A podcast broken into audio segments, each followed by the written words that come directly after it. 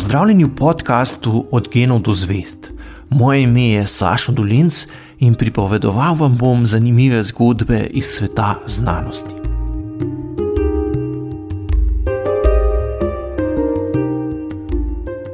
Začetki znanosti na območju današnje Slovenije so tesno povezani z rudnikom živega srebra v Idriji. Vendar ne zato, ker bi v rudniku potrebovali znanstvenike, da bi jim pomagali pri izkopavanju in predelavi rude.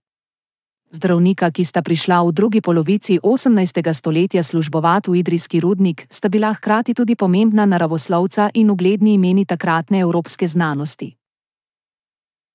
Giovanni Antonio Scopoli, doma iz Južne Tirolske, je bil prvi naravoslovec, ki je podrobno in sistematično proučeval naravo Slovenije. Rodil se je leta 1723 v mestecu Kavaleze na Južnem Tirolskem, gimnazijo je obiskoval v mestu Trento, nato pa študiral medicino v Innsbrucku. Po poroki se je začel pripravljati na državni zdravniški izpit na Dunajski univerzi, s katerim bi pridobil zdravniško licenco za celotno območje takratnega cesarstva. Po uspešno opravljenem izpitu leta 1753, ki je trajal kar šest ur, mu žal ni uspelo oditi na službovanje v Linz, kot se je nadejal, ampak se je moral zadovoljiti z rudnikom živega srebra v odročni Idriji. Uprava rudnika si je takrat namreč zaželela stalnega in šolanega zdravnika, zato je kandidatom ponudila brezplačno stanovanje, 700 goldinarjev letne plače in še 500 goldinarjev dodatka za selitev.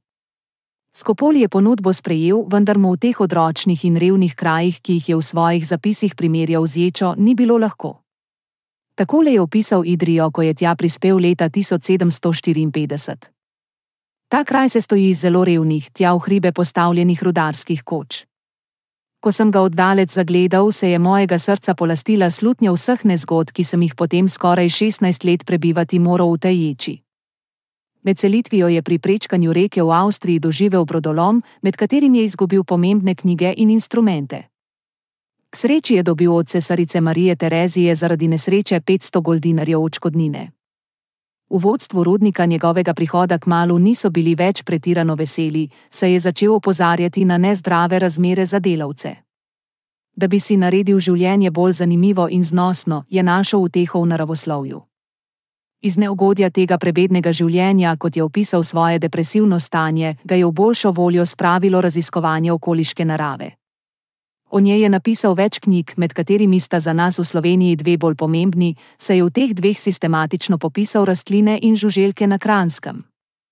Kot navdušen botanik je prepotoval okolico in podatke o rastlinah zbral v knjigi Kranske rastline, ki je išla leta 1760 na Dunaju.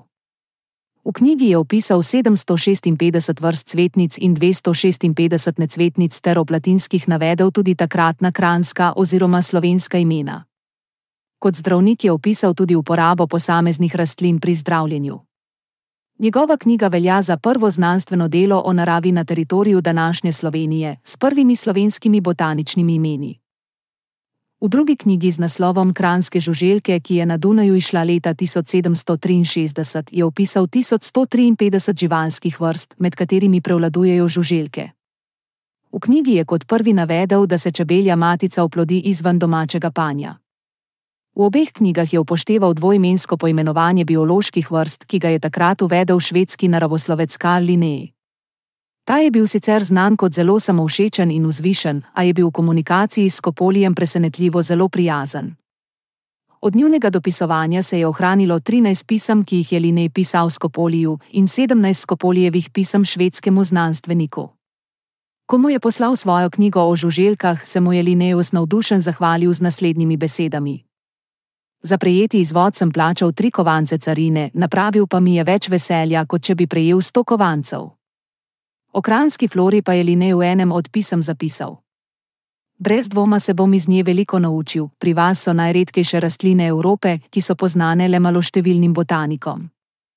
Skopoli je napisal skupaj 21 knjig, za naše kraje pa je med pomembnejšimi še knjiga o idrijskem živem srebru, ki jo je izdal leta 1761 v Benetkah.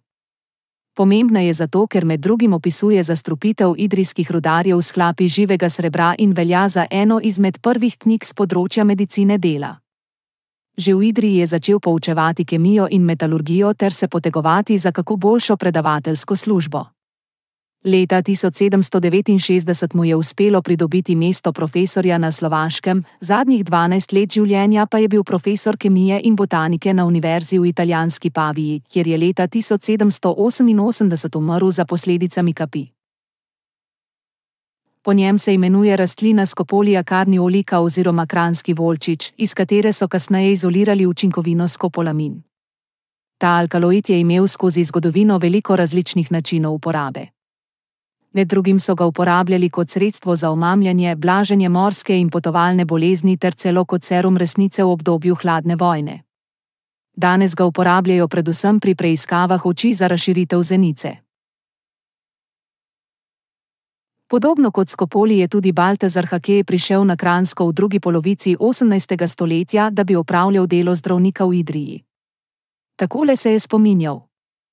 Kransko sem si izbral zaradi naravoslovja in zaradi slovečega rudnika živega srebra. Izbral sem si jo tudi zato, ker sem vedel, da tam živi sloviti Skopoli. Hakej naj bi se po lastnem pričevanju rodil v Franciji leta 1739, vendar zgodovinari niso povsem prepričani, da je ta podatek točen, saj iz ohranjenih pisem sledi, da ni znal zelo dobro francosko. Medicino naj bi študiral v Parizu, a bolj verjetno se je izobrazil kar skozi prakso, ko je med sedemletno vojno sredi 18. stoletja služboval pri več armadah. Po končani vojni je na Dunaju obiskal vplivnega dvornega zdravnika Marije Terezije in mu omenil, da bi si želel civilne službe. Ugledni zdravnik ga je takrat povprašal, ali bi ga morda zanimalo delo pri idrijskem rudniku. Konec leta 1766 je tako prišel v Idrijo kot kirurg, da bi pomagal Skopoliju. Po takratni ureditvi zdravniškega dela je kirurg izvajal operacije, oskrboval rane in opekline, skrbel za zobovje in nasplošno izvajal vse posege od zunaj, medtem ko je zdravnik zdravil bolezni, ki so prizadele telo od znotraj, kot so bile denimo zastrupitve in infekcije. Skopoli se je sicer nadejal, da ga bo prihod pomočnika razbremenil in bo lahko več časa posvetil svojemu naravoslovnemu delu, a se kot kaže učenjaka nista prav dobro ujela. Skopoli je zato po treh letih skupnega delovanja zapustil Idrijo. Hakej je kot zdravnik ostal pri rudniku do leta 1773, ko je odšel v Ljubljano, kjer je bil do leta 1787 profesor anatomije, fiziologije, kirurgije in porodništva na Ljubljanskem liceju. Ko so leta 1773 ukinili jezuitski red, so namreč potrebovali učitelje, da bi prevzeli predavanja, ki so jih prej izvajali pripadniki tega meniškega reda. V Ljubljani je stanoval na Gornjem trgu, a je žal njegova hiša v velikem požaru leta 1774 pogorela.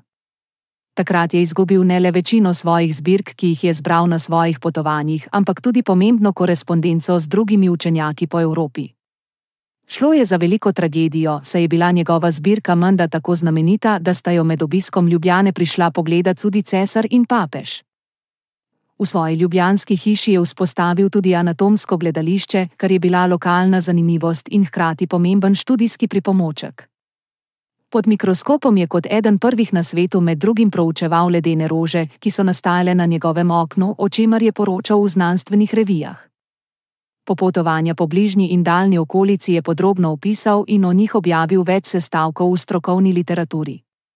Zanimale so ga kamnine, minerali, kraški pojavi, jame, rastline, živali in nasploh vse, česar še nihče pred njim ni podrobno proučil.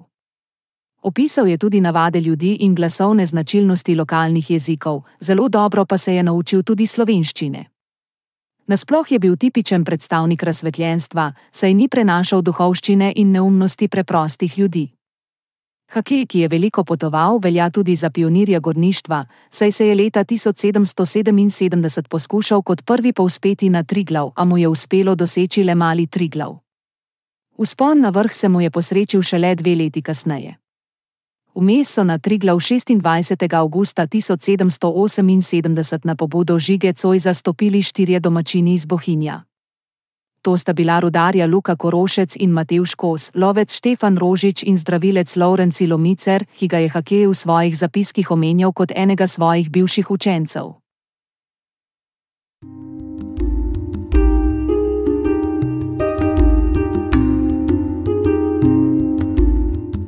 To je bil podcast Od genov do zvest. Moje ime je Saša Dolence in z novo zgodbo se vam oglasim že k malu.